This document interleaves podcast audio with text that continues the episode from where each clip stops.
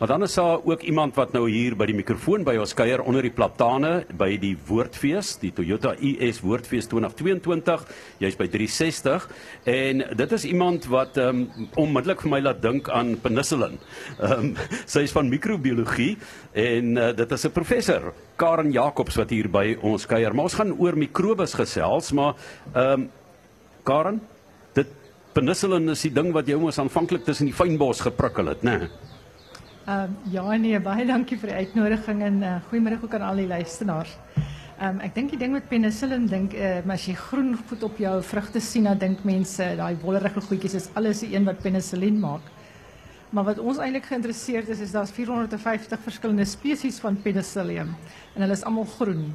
Uh so uh en die meeste van hulle maak nie penicillin nie. Party van hulle maak lekker goeie soos kaas ook. So die Rockefort kaas gebruik byvoorbeeld die penicillium om om te ryp te maak en ehm um, uh die ander een is uh, camembert. Hy maak ook ons gebruik baie keer swamme in ons wyne. As jy dink aan die uh, Noble Harvest, dis uh dis 'n swam wat natuurlik is vir daai lekker smaak.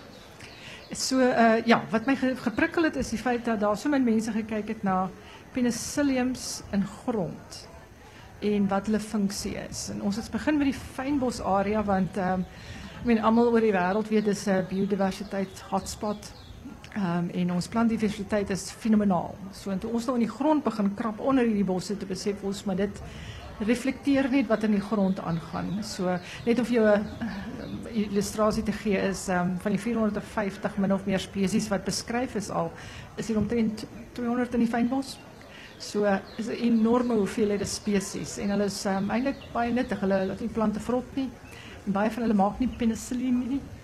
Is dit so dat um, mense hoor baie dat dit maar net die groot gro die grondlaagie is, die boonste deel van die grond wat lewe en dat as jy nou diep uh, onder toe gaan dat jy nie baie weet plante gaan voed daar nie, maar dat veral die bo-laag lewendig gehou moet word.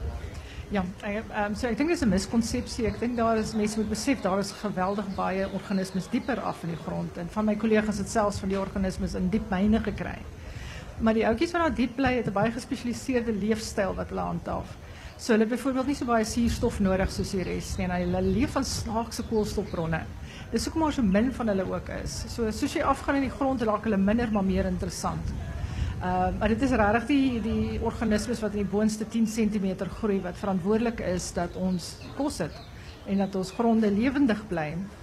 Kom ons gesels juist dan nou oor ons gronde wat lewendig bly. Ek het ruk terug 'n dokumentêr gekyk. Ek het al 'n paar keer daarna verwys op RSG want ek dink net ons moet meer en meer daarvan weet en ek dink ons is nie altyd baie bewus van waar ons kos vandaan kom nie. Ons vat maar daai pakkie slaai of daai stukkie vleis uit die winkel en en ons weet nie wat die herkoms is en wat in daai kos ingaan nie. En die groot krisis van ons grond se gesondheid en jy fokus baie op hernuwingslandbou. En jy het ook 'n praatjie hierso by die woordfees. Baie baie belangrik om te kyk na ons grondgesondheid en die tekort aan mikrobes. Dalk nie die tekort nie maar die feit dat dit so soveel minder is is wat daar eintlik moet wees. Weens landbou landboupraktyke daai tipe van ding. Gee net vir ons die konteks daarvan in jou wetenskaplike terminologie. Ja, so um, ek ek gebruik al, altyd die analogie van ons uh, gronde is baie soos 'n ou van 50 wat net op Coke en burgers geleef het en nog so 'n bietjie rook en drink ook. Weet nou moet hy binne 'n week sy hart reg kry. Dit dit werk nie so nie. So oor tyd is ehm um, het ons regtig ons gronde verswak en party plekke is baie van die gronde nie eintlik meer in so 'n toestand dat jy regtig 'n gewas kan kweek nie. En die grootste rede daarvoor is monokulture. Dis een van die groot redes. En die ander een is die gebruik van chemikalieë. Ehm um, en beide van hierdie het hulle plekke, maar dis nie volhoubaar altyd nie. So, ek ek wil ook net sê uh, jammer dat ek jou in val want ja. daar kan jy net vir ons die verdere konteks gee van waar daai landboupraktyke vandaan gekom het want ja. 'n mens wil nie die arme boere yes in die eh, jy weet blameer vir hierdie tipe van goed nie, maar baie van dit kom van Amerika af, daardie massa landboupraktyke en die masjinerie wat ons gebruik wat natuurlik die lewe baie makliker maak, maar wat ook 'n groot probleem veroorsaak het vir ons mikrobes. Ja, so in die 50, 60 jare het ehm um, was was 'n regte industriële revolusie geweest en saam met daarmee saam met die gesondheid van mense verbeter, so meer van ons op die aarde en ons moet almal kos kry. En toe het van die baie slim chemiese wetenskaplikes uh, maniere ontwikkel wat hulle voedingsstowwe chemies kan produseer en dit dan in die grond sit.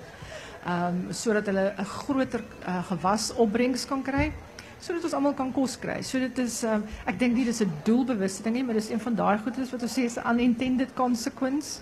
So um, die idee is dat dit is en dit het baie dit werk uitstekend. So as jy wil regtig opbrengs hê dan dan moet jy die chemikalieë druk. Die probleem is daai chemikalieë is nou ontsettend duur en is baie keer gekoppel aan ons oliepryse en jy weet waar jy dit op pad is. Ehm so dit raak nou die winsgrens vir boere raak baie min. En, en as jy daarmee saam koppel dat in die Europese lande is daar 'n geweldige sterk dryf na die vermindering van chemiese ehm uh, behandelings en en wat in die grond gesit word en daai beperkings wentel af na ons boere wat wil uitvoer byvoorbeeld. So hulle moet drasties ons ek meen reg oor die wêreld moet daar drastiese planne gemaak word en dit is nie net in Suid-Afrika nie. Um, dit is reg oor die wêreld wat hierdie beweging aan die gang is. En net weer eens die probleem van balans as 'n mens kyk na voedselsekuriteit, daai klomp mense wat ons nou vir my kos gee en terselfdertyd ons grond se gesondheid weer heropbou. Waar vind ons daai balans? Ja, so mens kan mens kan groot boerderye hê en nog steeds um, en dis nie eintlik gesond nie, weet jy, ons probeer weg wegbly van die woord grondgesondheid af want dit is so um, ehm um, dis dis dis 'n definisie wat eintlik baie nuances het in hom. So dan gaan ons hier praat. Wat beteken hoe moet ons dit gebruik? So, ons, so leer my asseblief. so ons praat eerder van grondfunksionaliteit. Goed. So wat beteken as jou grond die funksie verrig wat jy hom wil hê moet verrig, dan is dit 'n funksionele grond. En functionele gronden is niet noodwendig chemisch gebeurde gronden nie. Um, en, en, en die pad om terug te keren is, is maar net zoals wanneer ik moet beginnen gym te gaan, is maar lang en moeilijk. Maar het is mogelijk, tot op een punt. Dit is mogelijk. Um, en, en daar is heel wat ge, uh, gevallen in Zuid-Afrika waar, uh, waarvan ons grootboeren dit um, recht gekregen het. Uh, want op het einde van die dag spaar je eigenlijk. Want maar mensen gaan zeggen, oh, dat is een baie duurder type van boerderij. En dat is niet eigenlijk niet. Je spaart geweldig bij geld in terme van die chemiese stowwe wat jy nie meer aankoop nie, uh van uh fungicide en gifstowwe wat jy nie meer hoef aan te koop nie. Is dit 'n gesonder produk ook nou wat jy uiteindelik kry baie baie meer mikronutriënte wat dikwels verlore gaan as jy sê nou maar hmm. korrels gooi? Hmm, dat is een uitstekende vraag. Ik, ik is niet zeker of er meer nutriënten is. Nee. Ek denk dat is meer microbes in die proces, maar je weet niet of ja, dit... Ik ja, twijfel, want ik denk die cultivar wordt ge, of geteel voor een specifieke type um, samenstelling, nutrient samenstelling. Maar wat je niet krijgt is die gifstoffen. En alle andere chemische middels wat op ons kost ja. voorkomen. Um, so, um, dit is maar een van die grote voordelen daaraan.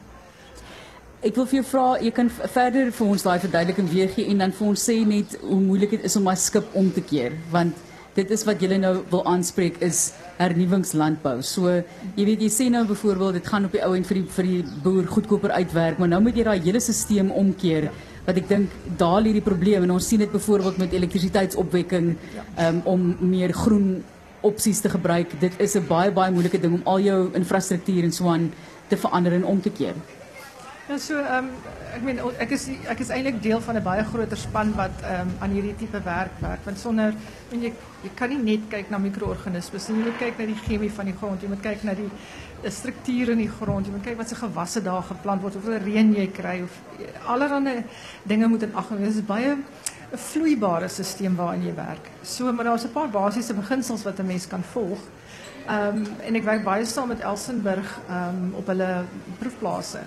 En daar het hulle gewys dat jy oor 'n oor 'n tydperk van amper 10 jaar dit kan regkry om 'n stelsel te gebruik wat jy geen chemiese insette insit nie. So byvoorbeeld en ek gaan nou Johan Strauss se se voorbeeld hierso steel wat hy met ons gedeel het is um, hulle het begin om dekgewasse te plant saam met hulle koring. So dis dekgewasse en ehm um, wat sê aan die cover crop cover in in geval dekgewasse en dan uh, crop rotations te doen. Goed vir hierdie Afrikaans. Ehm um, veldwisseling of wat dankie, ja, so iets. Ja. Ek het nog toe jy sê Johan Strauss, hy gaan nie blou doen nou vir ons doen so. so wissel wisselbou toegepas het. En in in oor 'n tydperk het hy sy insette, sy chemie insettings amper tot op 0 gekry. So moet nog 'n klein bietjie insit net om die spul aan die gang te kry. En dan het hy nou al hierdie verskillende plante tussen sy koring in geplant. En wat hy agtergekom het as hy op hom sy gifstowwe te spuit, so wat omdat hy nou 'n baie diverse mikrobiese gemeenskap het, hou hy sy patogene onder beheer. So hy kan minder gifstowwe spuit en omdat hy minder gifstowwe spuit, het al die voëls begin terugkom. En die voëls vreet jou insekte op en daar's daar's hierdie hele voedselketting wat teruggekom het wat heeltemal afwesig is ehm wanneer jy chemikalieë gebruik. En maar dit gesê daar is 'n plek vir chemikalieë. So maar die idee is dat jy dit so min as moontlik gebruik. Ja. Baie mense verwys ons wil baie vinnig verwys na chemikalieë as hierdie negatiewe ding, maar ek meen ons moet nou soveel vlakke van chemikalieë. Professor, wat lê vir ons voor, voel jy, um, in Suid-Afrika? Kom ons kyk nou maar na Suid-Afrika se landbou want dit is so 'n komplekse ja. onderwerp wat ons nou klaar bespreek. Kom ons fokus maar net op ons. Wat dink jy lê vir ons voor in terme van hierdie omkeer van die bedryf? Ek dink daar's reeds geweldig baie um, inisiatiewe uh, wat plaasvind. Uh, daar's ontsettend baie boere wat alreeds 'n hele ruk terug al begin het om hulle plase om te swaai. Uh, met met 'n hele paar suksesstories. Regtig fantasties. Jy kan dit nie glo like uit plekke as jy daar kom nie. Ehm um, en uh, verder is dit maar net mens moet ek, ek dink dit gaan deur die ekonomie gedryf word. Ja. Ehm um, mense gaan nie 'n keuse hê om dit te doen nie. En ehm um, so beide die ekonomie en en ons verbruikers. Want hoe meer jy verbruiker bewus raak van goed wat jy nie wil nie, hoe meer druk is daar op die boer om iets te produseer wat hulle wat die verbruiker wil hê. Die aanvraag natuurlik. So, so die verbruikersdruk gaan gaan ek dink gaan redelik hoog raak. Jy praat van regeneratiewe landbou yes. en is daar iets soos dooie grond wat nie meer lewendig gemaak kan word nie? Bestaan dit al? Weet jy al daarvan? Kijk, je krijgt niet zomaar grond waar je niet kan levendig maken. Er zijn allerlei uh, manieren om dingen te doen. Kernkracht zal bijvoorbeeld als mensen nou afval ja, dit, dit, maar dat is nou. Zelfs in gronden waar daar kernkrachtafval is, is daar micro-organismen. So daar is niet enkele plek op die aarde waar daar niet een micro-organisme is nie. Um, ek het ek ja, ek het doen nou my voorgraadse klas het 'n projekte gedoen en een van die groepies het gekyk na die afbraak van polistireen deur micro-organismes ja. en dit is En so enigiets, hulle eet enigiets swamme. Eet ja. enigiets wat jy vir hom gee. En die die een eenvoudige feit wat julle ook uitwys is sodat daar is in een teelepel grond is daar 'n miljard mikrobes. Yes. Ons regeer nie hierdie wêreld nie. Ons is die ons dink ons is 'n beheer alhoewel ons 'n geweldige impak het, maar dit is so baie 'n miljoen in 'n teelepel. Dis korrek. Ehm um, so dit is dit is nie beskryf. Oh, dit is dit is fantasties as jy sit en wonder. Ja, nee. Wel as jy dit as jy as jy kyk na die mens, as jy meer uh, bakteriese selle op jou en in jou lyf as wat jy mensselle het. Ja. So ek vra altyd vir my studente is ehm um, het jy bakterieë of het die bakterie vir jou? Ja. Wie kweek vir wie? Uh, maar sonder daardie bakterieë maak jy jouself heeltemal oop vir infeksies en allerlei siektes en immuunstelsel siektes en in jou ingewande het jy daai organismes nodig om belangrike vitamiene te produseer wat die menslike liggaam eenvoudig nie produseer. Ek het nou so geglimlag toe jy sê meer as 'n miljard mikrobes wat jy kry in 'n teelepel te loop. Um, Andri Beyers van Beyerskloof en ek sien hoe maak hy hoeveel teelepels grond het ons op ons plaas met andermaal met 'n miljard. Jy weet so, maar hier ja. is baie boere in hierdie omgewing. Ja. So ek dink dit is baie geïnteresseerd daarin want dit is ook um, baie vrugbare grond wat ons het en hulle sê mens altyd jy boer jou grond uit met tegnieke, maar is altyd herstelbaar, maar soos jy nou gepraat van die ou met die hamburger ja. en sy hele lewe lank gerook en te veel gedrink en nou wil hy skielik een operasie hê dan moet hy of sy 'n nuwe mens wees, né? Nee. Maar onthou as jy daai een operasie het, kan jy dit ook nie volhou nie. So dis nie volhoubaar nie. En dis waar jy mens moet gaan. Jy kan nie net 'n vinnige dingetjie doen en dan dink dis nou alright nie en dan volgende week is jy terug waar jy was. Ehm um, en die idee is om om 'n permanente omkeer te maak aan hoe mense dit sien en dink. En en is eintlik I mean baie van ons boere is regtig baie bewus van wat in hulle gronde aangaan. Hulle verstaan die siklusse. En 'n mens moet net gesels en en hoor wat hulle doen. En vir baie is dit hulle noem dit common sense boerdery. Maar jy gaan nou iewers en dan gaan span jy net en dan sê jy maar dit is 'n tipe bioom. Maar ons trek hy net nooit onder die grond in nie want ons ons ons visueel kan ons ja. dit nie sien nie en ons kan dit nie ons verbeel nie en dis waar jy met ja. microbiologie in die prentjie kom. So so ek kan net vir jou sê dat as jy as jy dink aan die aan die aan die uh, spasie waarin ons werk, as jy 'n millimeter vat, kan jy 1000 E. coli's langs mekaar sit en dan lê hulle mooi 'n rytjie in 1 mm. So. So dis die vlak waarop ons werk en dit is baie moeilik en jy kan byvoorbeeld in 'n in 'n stuk grond instap en elke 4 meter het jy 'n ander soort bakterium.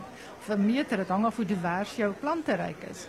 Uh, maar wat is ook weet van ons grondorganismes, dis is baie naby baie naby aan die tipe plante. So jou plante het daai en dit is dit is soos mense om omdraai. So as jy 'n verskeidenheid van plante het, verhoog daai verskeidenheid en diversiteit van jou organismes. En sodra jy dit reg kry, het jy meer veerkragtigheid in jou grond. Uh wat jou dan buffer teen goed droogtes byvoorbeeld. Net fascinerend. Professor Karen Jacobs is verbonde aan die Universiteit van Stellenbosch se departement microbiologie en sy het met Dave Peppler hierso ook 'n gesprek gehad oor hoe om hierdie situasie van ons grondmikrobiom om te keer en die hernuwingslandbou en die fokus op ons pragtige pragtige fynbos wat sy na verwys het. Ons is so dankbaar vir hy fynbos. Dit is iets regtig spesiaal aan Suid-Afrika en die ontwikkeling van DNS molekulêre biologie. Ek wil weer gaan swat julle. Ja, ek wil weer studeer. Ja. Of weet dit sulke sulke mikro mikro stukke doen, maar dit mens leer so baie van julle professor en en dankie vir wat julle doen vir dit wat ons op die ou end in ons liggame sit. En ek wil net gou gevra het want uh, Dave Peppler was 'n gas hier gewees. Ek dink dit was in Spectrum gewees waar hy gesê het die aarde is poertes. Dis verby met ons. Wat het jy daarop te sê? Kan jy 'n bietjie repliek lewer? Ek ek ek is ek is ja, ja, ek kan. Ehm um, ek dink dit is dit is hoe jy kyk daarna. Hoe jou uitgangspunt. Ek dink gesê daar's- nou. Ek dink daar's daar's ontsettend baie hoop en daar's baie mense wat 'n uh, toekoms sien en daarin werk. Um, ek dink daar's baie verkeerd. Mense moet dit regtig nie dink dit is eenvoudig nie. Daar's heel wat verkeerd in dit. Maar maar daar is tog tog hoop en as jy 'n mikroorganisme is hierdie glad nie van toepassing op jou nie. Al wat vir hulle gebeur is hulle voedselbron verander.